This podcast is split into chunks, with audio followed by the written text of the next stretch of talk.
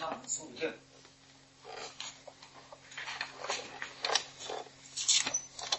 Og her er vi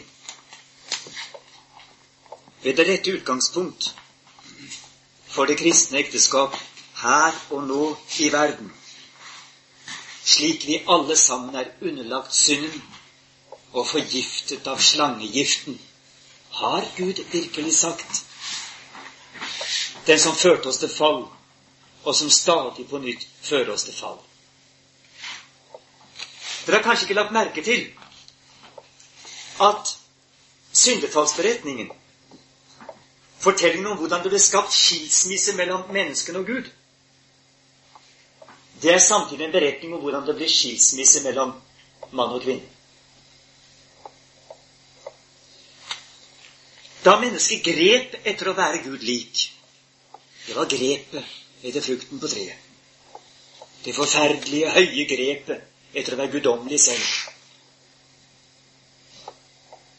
For slangens fristelse. Da ble menneskets øyne åpnet, og de ble var at de var nakne. Og de tok fikenblader og heftet omkring livet, for de skammet seg for hverandre. Plutselig så var det ikke bare Gud og mennesker som var skilt. Det var ikke bare det at menneskene gjemte seg i buskene for Gud når Gud kom nær. Men mennesker fikk også behov for å skjule seg for hverandre. Noe av den samme avstanden som oppsto mellom Gud og menneske, da mennesket gjemte seg i buskene for Gud, oppsto i virkeligheten også mellom mann og kvinne. En skyhet, en fjernhet, et behov for å dekke seg til. En reservasjon. Det var noe som var gått i stykker. En totalitet som var gått i stykker. Ikke bare det dype forholdet mellom Gud og menneske, men også det dype forholdet mellom mann og kvinne. Syndefallet er et fall, menneskets fall fra Gud, og mann og kvinnes fall fra hverandre. Og dette fallet kan aldri leges. Det kan aldri bli helt igjen. Denne skilsmissen kan det ikke bygges bro over før det bygges bro mellom menneskene og Gud. Det skjedde samtidig, og det er bare på forsoningens grunn at mann og kvinne virkelig kan forenes igjen. Men når mann og kvinne kommer inn under forsoningen, igjen blir forenet med Gud ved landets blod, at forutsetningen er skapt for at også mann og kvinne kan forenes og igjen bli denne helhet som mennesket hadde skapt det til å være. Ikke fullkomment, men som en begynnelse. Ikke i beskuelsen, som vi sier, men i hvert fall i troen. På samme måten som jo heller ikke vårt forhold til Gud er fullkomment erfaringsmessig. Men det kan allikevel være fullkomment i troen. Vi får tro at vi er rettferdiggjort, og holde fast på det og tro at Gud er vår nådige Gud. Og på samme måten så kan mann og kvinne også tro hverandre og være det Gud vil de skal være for hverandre. Og at det virkelig er Gud som har gitt dem til hverandre. Og at alt skal være godt for Kristi skyld.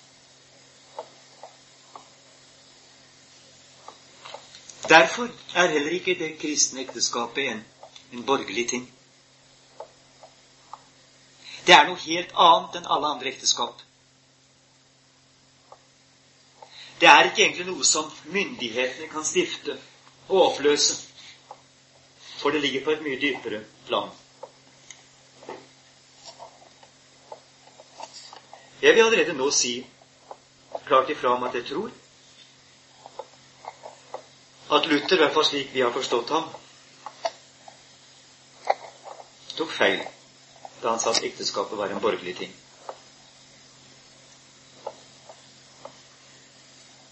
Ekteskapet er et mysterium. Det er det nærmeste neste forhold som overhodet fins mellom to mennesker. For det første. Du skal elske din neste som deg selv, heter det. Vel, fins det noen neste som er nærmere enn din kone eller din mann? Det er der prøven står. Det er der det er vanskelig. Det er der det gjelder å tilgi hverandre. Så bare av den grunn Om det så å si var to mennesker av samme kjønn som levde så nært hverandre at de alltid var avhengig av hverandre, så vil dette være et spesielt forhold i Guds rike. Og enda mer når det er mann og kvinne. Skapt for hverandre av Gud. Forgiftet av slangegiften. Revet med i fallet. Og allikevel altså bestemt for hverandre av Gud. Som et bilde på at alt er godt igjen. Som et bilde på at alt er godt igjen. Adam har funnet Eva igjen. Har ikke lenger noe å skjule for hverandre. Trenger ikke fikenbladene, de usynlige åndelige. Behøver ikke være redd for hverandre. Fordi at de har fred med Gud, begge to. Det er ideen. Jeg er ikke tvil.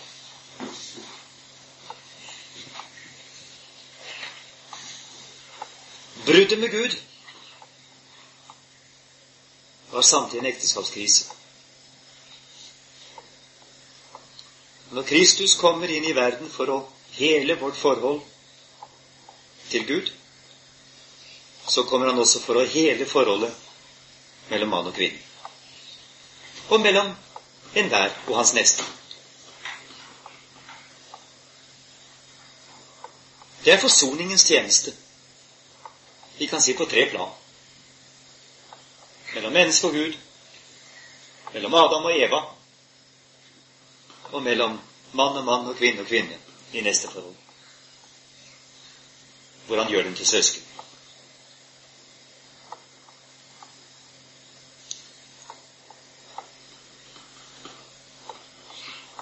Dette store mysterium er det Paulus taler om i Efeserbrevet i det femte kapittel. Dette store mysterium er det som alltid klinger med når Kristus kaller seg selv for brudgommen. Når Kirken kalles brud, når det tales om landets bryllup, kongesønnens bryllup Det er fullendelsen av det som er begynt her i verden ved evangeliet.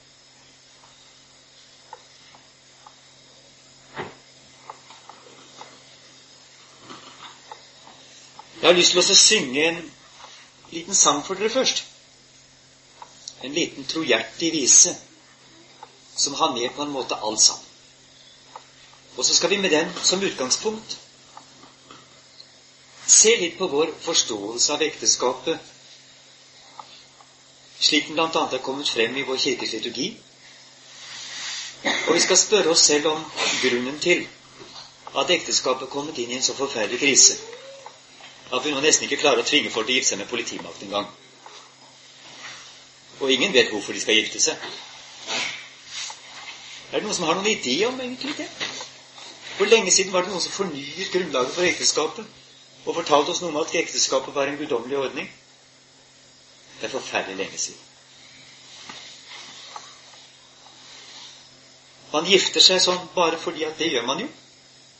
Og så plutselig så spør jeg hvorfor gjør man det egentlig? Og så er det ingen som kan svare. Og så begynner man å bo sammen i stedet. Og Det er jo fordi at ekteskapet er uten idé. Det er det borgerlige ekteskap som brutt sammen. Det er det der. Det borgerlige ekteskap, hva bygger det på? Og det bygger på det Man gifter seg jo. Ja, det gjør man Det er det borgerlige ekteskap bygger på. Folkeskikk skal være sånn. Hvis du spør representanten for det borgerlige ekteskapet Da tenker jeg også vi gjøre de kirkelige. Ja, hvorfor skal man det? Og så kommer man i forlegenhet. For det hadde man ikke tenkt på. Det er noe som har gått av seg selv gjennom flere hundre år uten å fornyes. Og så plutselig så kommer det en liten intelligent ungdom og stiller et spørsmål så er det ingen som kan gi skikkelig svar.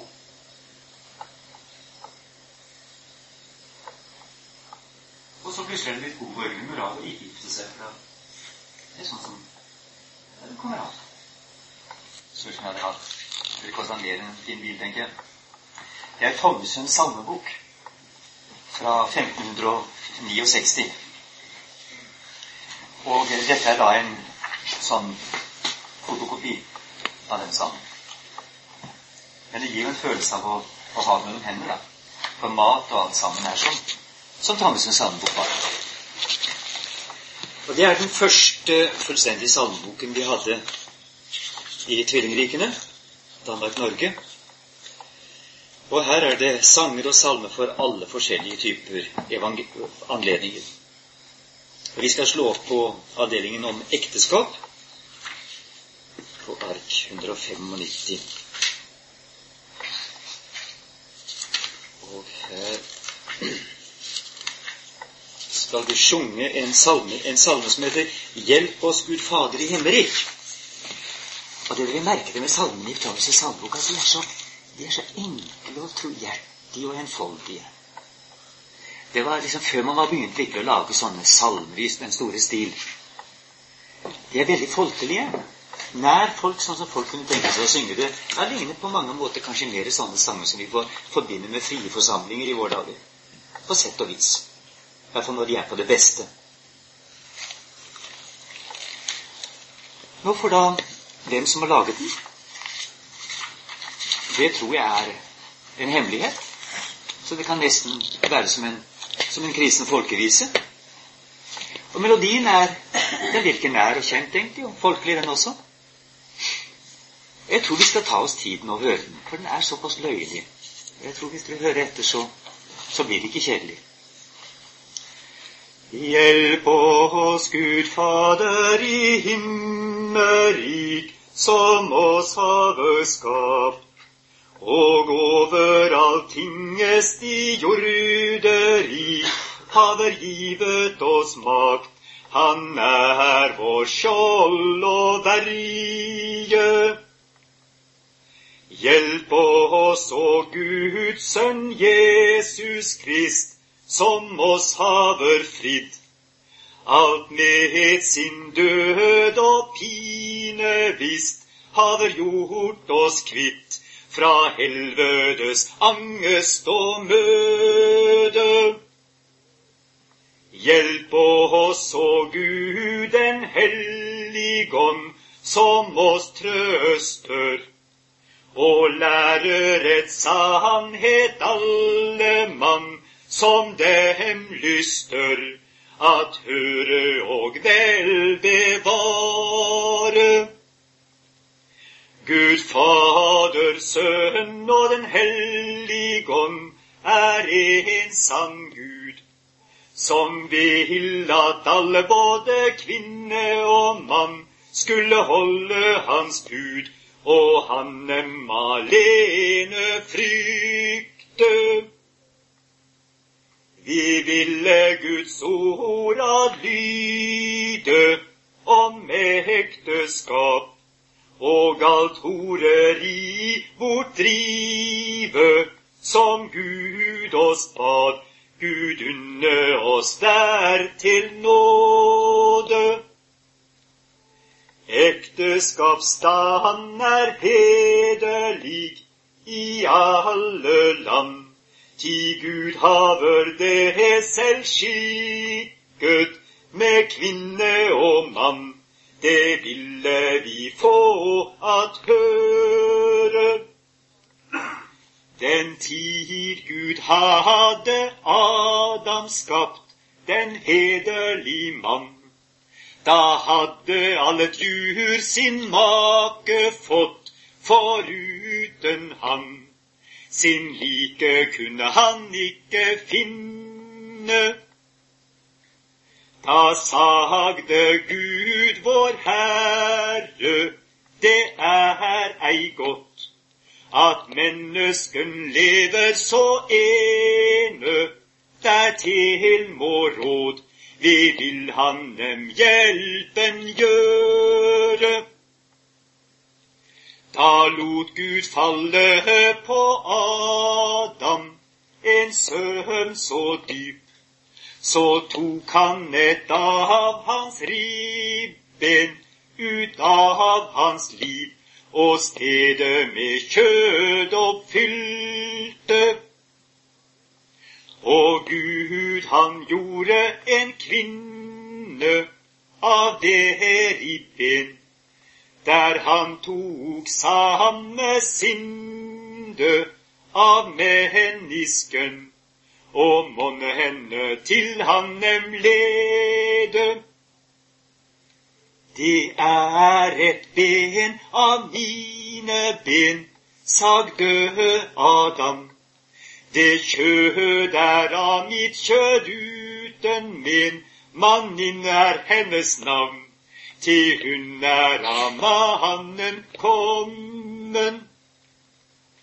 Ti skal man fader og moder overgive, altså forlate, og så ved denne stallbroder sin hustru blive, et legem de to skulle være.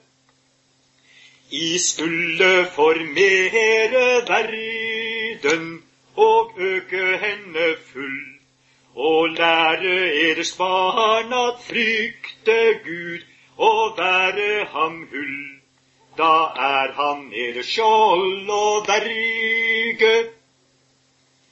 Nå haver vi hørt den gamle skrift, Gud Faders ord, Guds sønn haver dem og selv samtykt og fastegjort, både med ord og gjerning. Han var til bryllupskallet og kom derhen, og den tiden vinen fattes, vende vann om til vin, ekteskap han, ekteskap han dermed priste. Han stadfeste med orden den hellige stat, der han bød at ingen på jorden skulle skille dem at, som Gud hadde sammenføyet. Den hellige og den hellige ånd det samme, og monne sige at mann og kvinne de tvende skulle sammen blive i kjærlighet en ting være. Hver annen skulle de elske av hjertens grunn som Kristus der oss frelste, gjorde alle lund, sitt liv han for oss ikke sparte.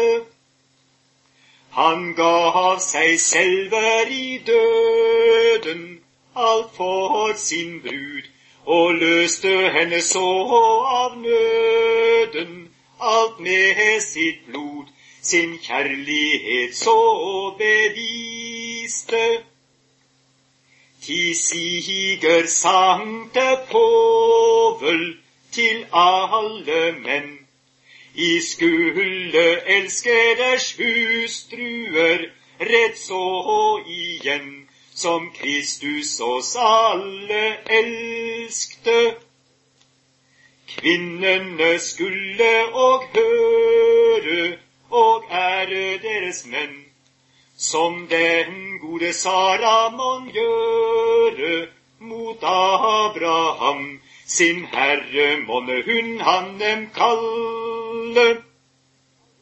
Nu have vi hørt om ekteskap, Guds hellige bud, ti ville vi alle være glad og takke Gud og oss i hans vold befale.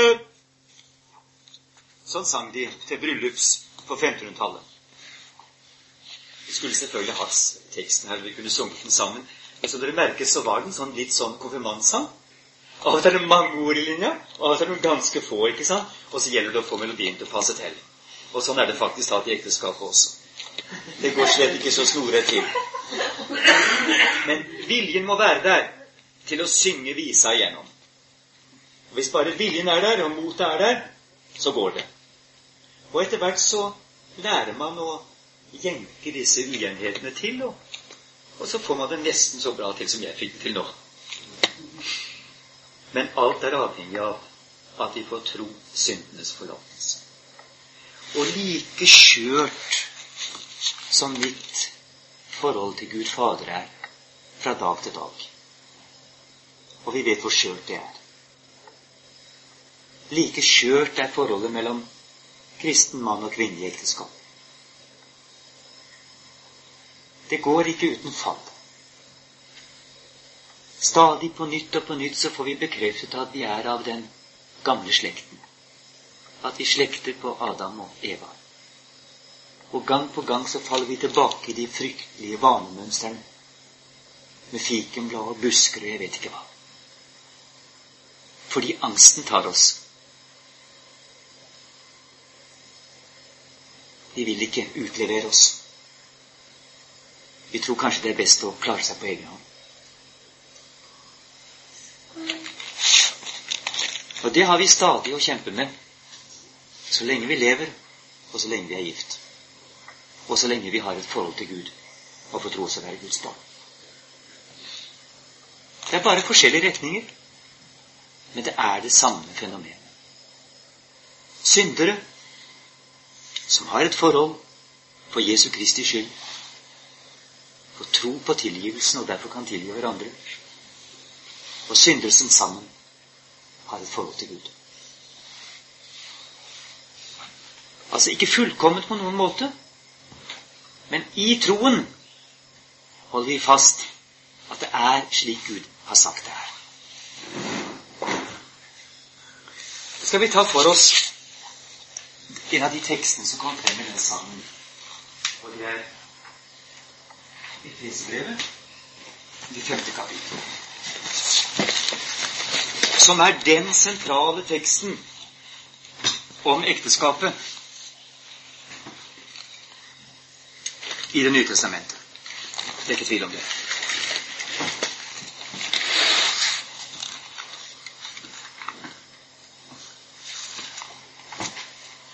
Er ingen steder i Nytestamentet hvor ekteskapet settes så klart inn i sammenhengen med forsoningen. Og vi får se hvordan det kristne ekteskap har røtter i forsoningen. Og det er bare på grunnlag av forsoningen vi kan forstå de formaningene som følger med. Og våge å ta dem til oss og, og gå inn i dem. Vi kan eh, lese fra vers 18, for vi kan jo tenke at vi nå er i bryllupslag. Kanskje til og med i Kana, hvor Jesus nettopp har forbannet vann til vin. Og da passer det bra å begynne med 18, vers 18 i Efesbrev 5. Drikk eller ikke drukne av vin, for i det er det ryggesløshet, men bli fylt av Ånden så I tale til hverandre med salmer og lovsanger og åndelige viser, og synger og leker for Herren i deres hjerter. Og alltid sier Gud og Faderen takk for alle ting i vår Herre Jesu navn, og underordner eder under hverandre i Kristi frykt. I hustruer underordne eder under eders egne menn som under Herren. For mannen er hustruens hode, like som Kristus er menighetens hode, han som er sitt legemes frelser. Men like som menigheten underordner seg under Kristus, således skal også hustruen underordne seg under sine menn i alle ting.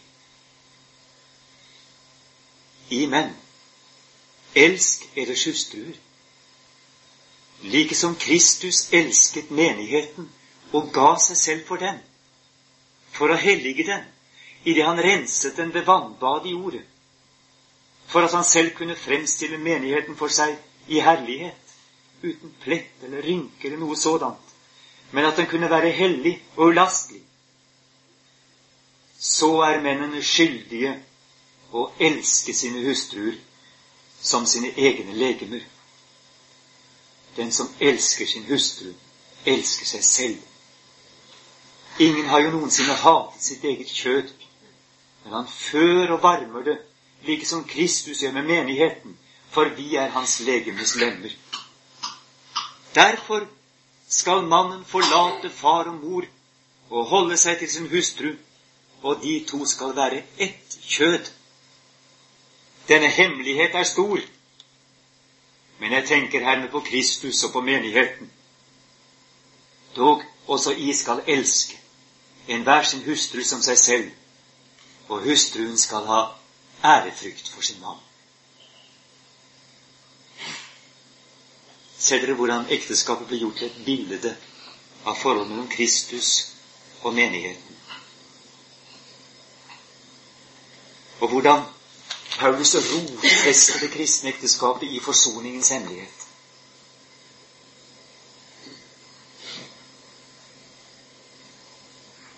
Det er det som blir det selve det dypeste drivkraften i det. Forsoningens hemmelighet. Som skal leves ut i et forhold mellom mann og kvinne. Som begge to er forsonet med Gud, og derfor har funnet hverandre igjen som Adam og Eva, som brud og brudgom, på forsoningens grunn. Og derfor igjen har fått dette rette forholdet til hverandre, hvor mannen får lov til å være hodet, og hustruen får være legen. Og de får være én sammenheng, én vilje.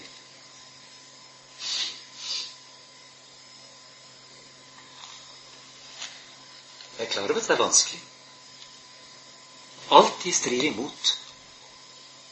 Alt strir imot hos mannen også, må dere tro. For hva står det om mannens kjærlighet? Han skal elske sin hustru slik som Kristus elsket menigheten. Ja, hvordan elsket Kristus menigheten? Han ga sitt liv for henne. Det kunne være greit hvis mannen fikk lov til å være hodet og bestemme, hvis ikke den passusen var med at den som er hodet i det kristne ekteskapet, er den som går Kristi vei, tar sitt kors opp og følger Kristus inn i hans offer for sin brud.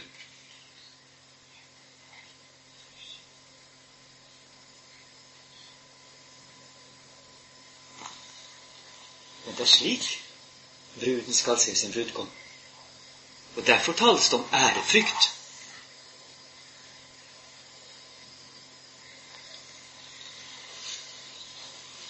Derfor tales det om underordning.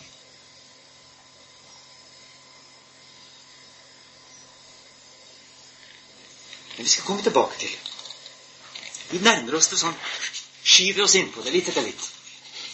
I hvert fall én ting er sikkert. Dette er den viktigste teksten om ekteskap i Det nye testamentet. Jeg vet ikke om jeg kan finne noen som er bedre. Det står noen ganske korte passuser hist og her. Men en stor sammenheng hvor ekteskapet presenteres sammen med selve evangeliet. Adam og Eva fikk høre om at Gud har gitt dem til hverandre. At det som Gud har sammenføyd, det skal mennesker ikke atskille. Og de skal være fruktbare.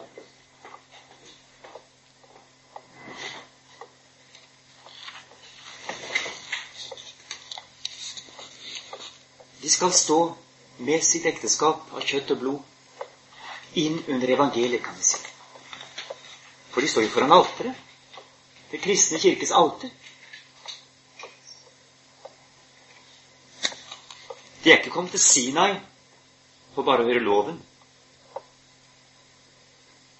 De er ikke kommet til Slett ikke kommet til solskriveren.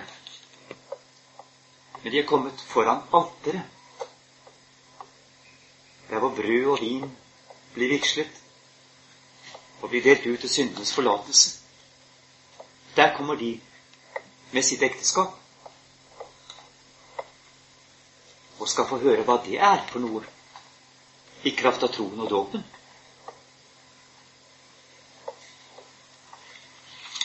Og så begynner vi å lete her og si ja. Her står at Gud skapte mennesket sitt bilde. Det leses. Og det leser at man skal forlate far og mor og holde seg til hustru. De to skal være ett kjør. Det leses. Så leste jeg noe som Jesus sier til disiplene sine, et nytt bud gir dere, at dere skal elske hverandre, liksom jeg elsker dere, skal også elske hverandre.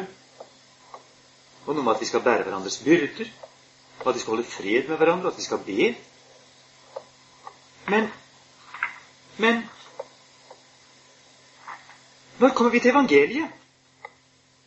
Hvor er disse ordene av Paulus i Efeserbrevet 5? De er ikke her. Står det noe nytt i er det blitt av? Hadde ikke Kirken dette med? Dette er bare lov.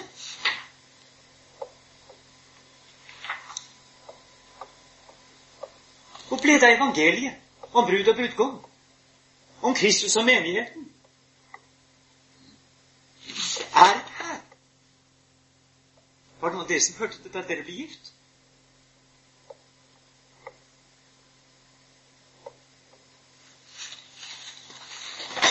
Så spør vi Hva skjedde? Kom det aldri med? Du kom med.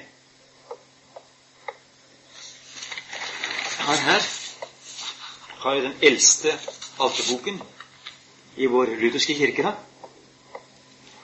Og um,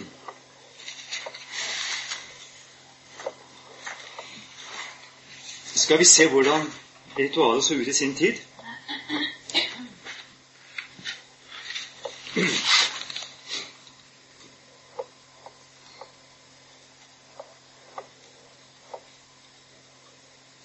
Og ganske riktig. Her leses det først fra Genesis, ja. Altså fra første Mosebok. Ja, det er noe annet.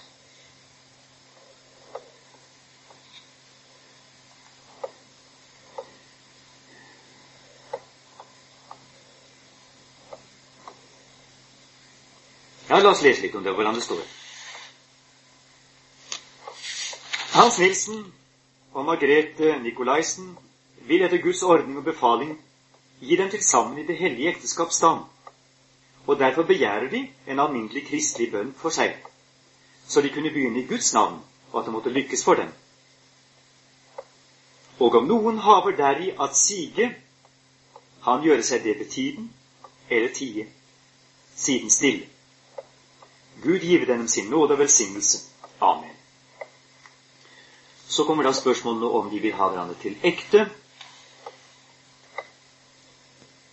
Og de svarer ja. Og så forlover han dem. Og så kommer tekstene, da. Og Gud vår Herren sa, det er ikke godt at mennesket er alene. Jeg vil gjøre han en medhjelp som kan være hos ham. Da lot Gud vår Herre, vår Herre en svar søvn falle på mennesket, og han sov, osv. Dere kjenner jo den teksten. Men så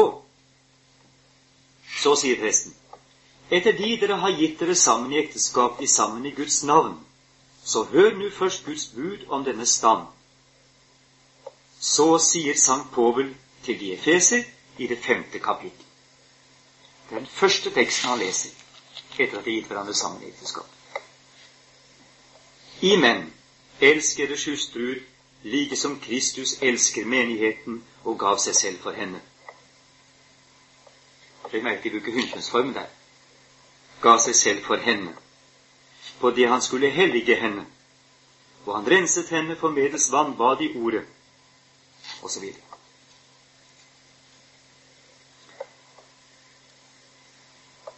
Etter dette så leser de da en del andre tekster om den forbannelse og kors som Gud har lagt på ekteskapet. For det første til Eva.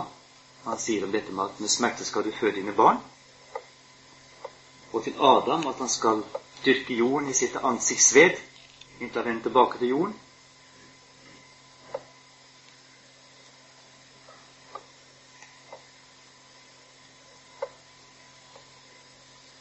Og så kommer til slutt en bønn. Her legger han sin hånd på deres hode og ber så. Og skal vi gjøre. Herre Gud, himmelske Fader, du som haver skapt mann og kvinne og beskikket dem til ekteskapsstand, og har velsignet dem med livsens frukt, og deri betegnet din kjære Sønns Jesu Kristi og Den hellige kirkes, hans bruds, sakramenter. Vi ber din grunnløse barmhjertighet at du vil sådan din ordning og velsignelse ikke la forrykkes eller forderves, men nådelig henne bevare ved Jesum Kristum, vår Herre. Da legger vi merke til at her er Efeser 5 med som en hovedtekst. Og den bønnen som bes over dem, den går nettopp på dette her. Ekteskapet er en betegnelse, et bilde, av Jesu Kristi og Den hellige kirkes bruk, sakramentet, som det sies her. Det ordet sakramentet det betyr det samme som det ordet som Paulus bruker, hemmelighet. Den latinske oversettelsen av det ordet. Denne hemmelighet er stor. Men her bruker de altså enda den gamle kirkelige betegnelsen sakramentet om ekteskapet. Det vil si at det er en hellig handling som om det ikke er sakrament i vår betydning av ordet, så er det allikevel en hellig handling som har med Guds nåde å gjøre. Alle sakramenter har med Guds nåde å gjøre. Det er en Når betegnelsen er beholdt, så tror jeg det kommer av det at det fremdeles er en hovedtanke at ekteskapet er et avbilde av forsoningens hemmelighet, rett og slett. Slik jeg har forsøkt å snakke om.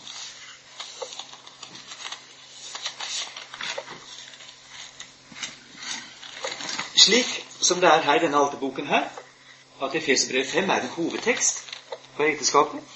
Slik er det også i alteboken av 1685. Slik er det også i alteboken av 1880. Men så skjer det noe. Omkring århundreskiftet så begynner emansipasjonsbevegelsen. Emansipasjonsbevegelsen, altså kvinnenes frigjøring. Vi hadde jo allerede i slutten av århundret hadde vi dukkehjem, ikke sant, og hele den, den nye kvinnesaken. Omkring århundreskiftet var det kommet så langt at det slo inn i tankene om liturgireformen. Og da vi fikk alterboken av 1920, så var Efeserene fem fjernet. Som et resultat av at kvinner fikk stemmerett i 1913. Da var klimaet slik at det ble opplevd helt umulig å opprettholde en slik tekst i ekteskapsritualet.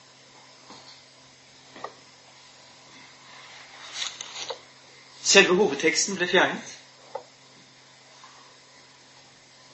Og, nå, og, siden da har ingen hørt den i det øyeblikket de sto og skulle gi hverandre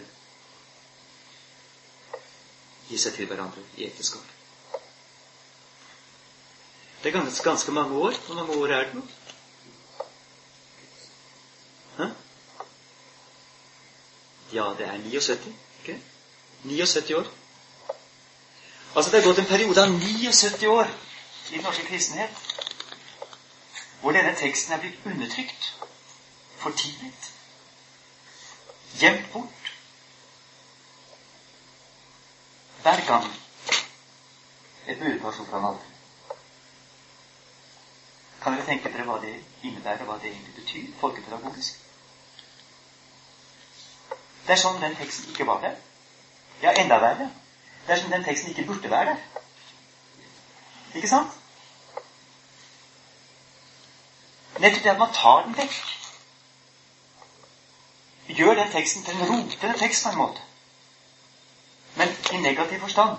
Den teksten ikke skulle vært der. Det er noe pinlig, det er noe passé, det er noe som hører fortiden til.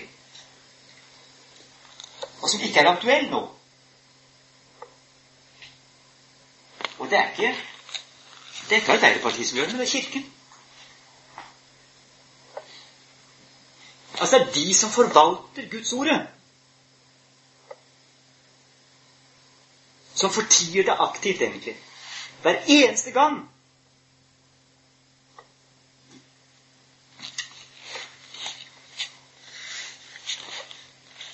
Og det må jo være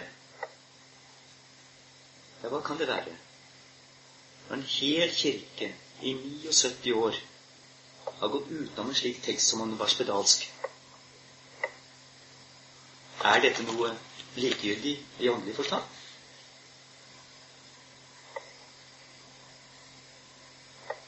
Kan det rett og slett være djevelens triumf?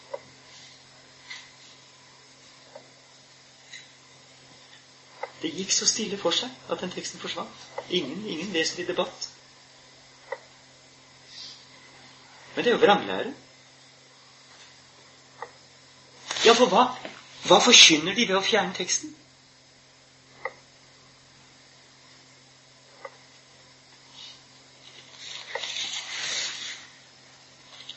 Det er en total kapitulasjon for en ny tid.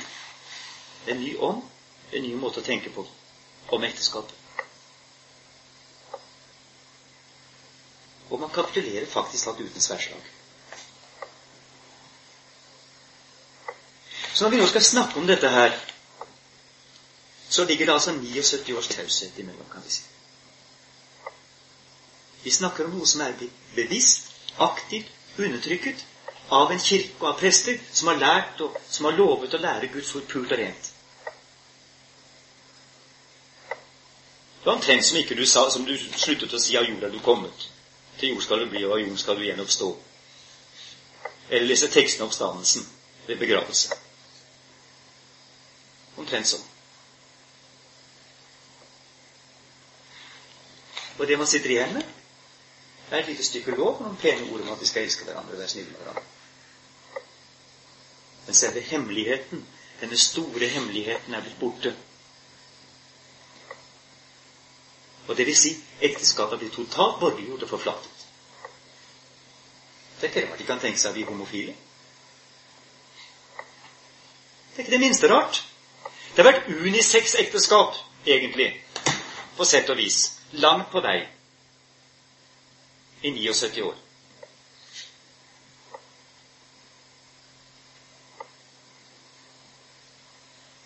Eneste lille forskjellen er da selvfølgelig at kvinnen føder barn. Og det sies jo noe om det. Vær fruktbare, står det. Men det fins en spesiell relasjon mellom mann og kvinne. At de er en hemmelighet, de to sammen. At de er et bilde av noe guddommelig. Det er borte. Og dermed er ekteskapet, det kristne ekteskapet, rothugget. Jeg tror dette er forferdelig alvorlig. Jeg tror rett og slett det er en uren ånd som er kommet over Den norske kirke. Etter at de vek for tidsånden fjernet denne teksten.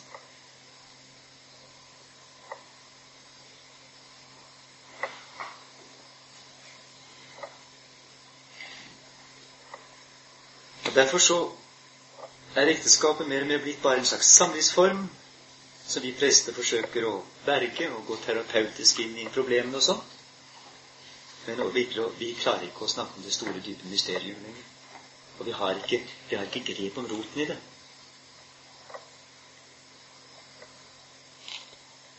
en borgerlig sak. En moralsk sak. Men noe av nerven er borte. Sånn ser jeg det.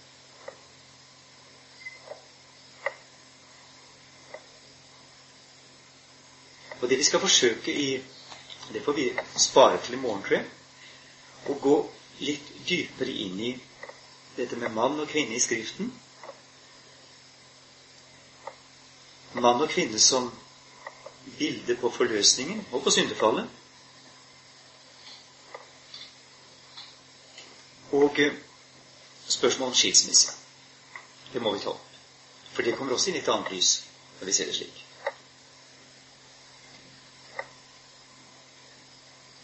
Jeg vil bare som nøkkelbemerkning si det at det kristne ekteskap det bygger på dåpen. Og det kan bare egentlig være denne store hemmelighet på dåpens grunn.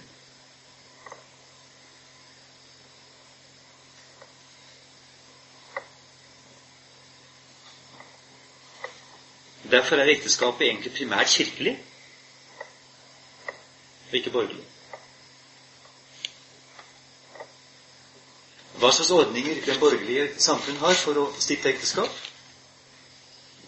Kan være forskjellige, og selvfølgelig skal vi, vi, skal, vi skal rette oss etter de borgerlige ordninger. Særlig kristne skal gjøre det. Men ikke fordi de er bundet av det, men fordi de er bundet av lydigheten mot øvrigheten på grunn av at Gud har befalt det. Ja, det er klart. Men det kunne godt tenke seg at øvrigheten sa at nå avskaffer vi ekteskapet. Det er ikke nødvendig å ha noen ordninger for det lenger. Men vi vil like fullt ha dette at det kristne ekteskap bygger på dåpens grunn, og det angår menigheten. Det angår menigheten.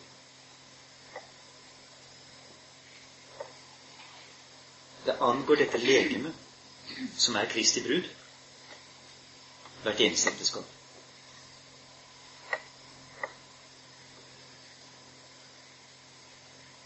Og selv om staten skulle avskaffe ekteskapet, slik at folk på en måte flytte sammen, for de hadde ikke noe sorenskriv å gå til,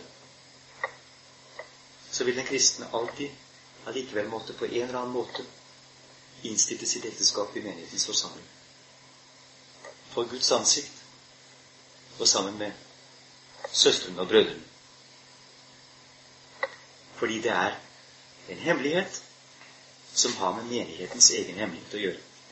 Og det skal vi også forsøke å snakke litt mer om i morgen.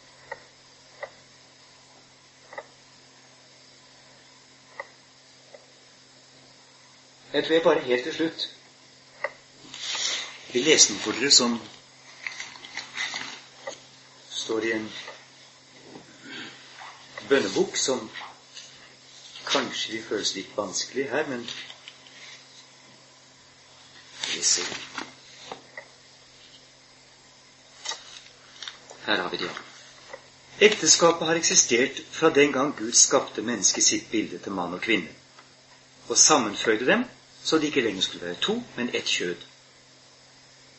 Det er etter naturens orden og Guds skapervilje at folk inngår ekteskap og stifter familie. Som alt det Gud har skapt, er også det overmåte godt, og derfor hører det med blant Kirkens sakramenter. Normalt meddeler Kirken sakramentene ved sine biskoper og prester. Ekteskapet avviker fra de andre sakramentene ved at det her er det ektefellene som selv meddeler hverandre sakramentet. Ved sitt ja-ord, som er bindende for livet, slutter de ekteskapets pakt, og den er det Kirken høytidelig velsigner under vielsen. Kirken legger derfor stor vekt på at dette gjensidige samtykket blir avgitt i frihet og i full viten om hva ekteskapet går ut på. Å elske og støtte hverandre livet igjennom og ha til hensikt å stifte familie. Det kristne perspektiv, som gir ekteskapet dets sakramentale verdighet, uttrykkes i, uttrykkes i det Paulus skriver. Ektemenn har deres hustruer kjær, slik som Kristus viser sin kjærlighet til Kirken ved å ofre seg for den skyld. Han kaller ekteskapet for et stort mysterium, på latin magnum sacramentum, nemlig forholdet mellom Kristus og Kirken. Forbildet for ektefellen er derfor Kristi forhold til Kirken i den nye pakts ramme. Kristi usvikelige trofasthet gjenspeiles i ekteskapets livsvarige troskap og uoppløselighet, hans offervilje og tjenende kjærlighet i ektefellenes gjensidige omsorg for hverandre. Først når den nye pakt sluttet i Kristi offer, blir virkelighet for den kristne, får ekteskapet sin fulle mening. Derfor feires vielsen ofte innenfor rammen av en messe, som nettopp levendegjør for oss denne realitet. Slik blir Kristus både et forbilde og en kilde til kraft og velsignelse for ektefellene i deres pakt for livet. Som foreldre skal ektefellene sammen gi sine barn trygghet og kjærlighet, og samtidig oppdra dem i troen, så de kan vokse som Guds barn og finne seg til rette i Hans kirke. Jeg leste dette for at dere skulle høre liksom at det er en viss klang. Det er fra en innledning til livsritual i den nye katolske bønneboken. Den inneholder egentlig veldig mange bra ting. Selvfølgelig er det også ting der som vi steiler overfor, og, og fall stusser overfor. Men akkurat her så syns jeg at vi har en slags felles basis å gå ut fra.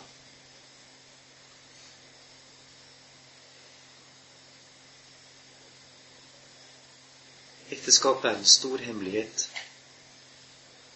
Et stort Guds under med oss. Det er noe som det er verdt å kjempe for.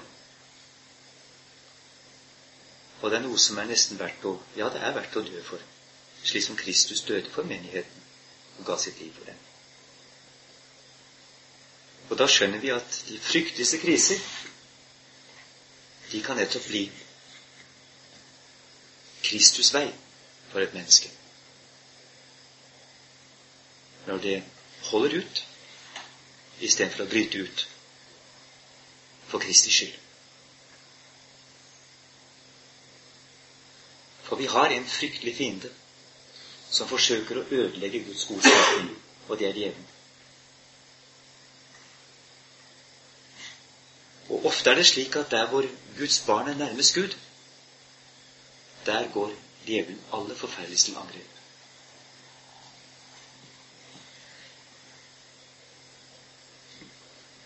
Og da er det ikke tid å kutte ut. Men da er virkelig tiden kommet til å holde ut i bønn. Skal vi be. Kjære Far i himmelen. Vi takker deg fordi vi er døpt inn i din hellige, alminnelige kirke, som er spredt ut over hele jorden, og finnes overalt hvor det finnes mennesker som tror ditt ord, og har tatt imot dåpen og kommer til nattverden, og lider for troens skyld og bærer det hellige kors, og ber, sammen med dine troende sammen med din Sønn, det hellige Fader vår. Vi takker deg Far, for at vi har kommet inn i denne store, dype hemmelighet og får være lemmer på dette legemet, det som heter Jesu Kristi brud. Vi takker deg, far, fordi du har begynt å åpne øynene våre. At du har tent troens gnist i oss. At du taler til oss fra hjerte til hjerte. Nå ber vi om at du må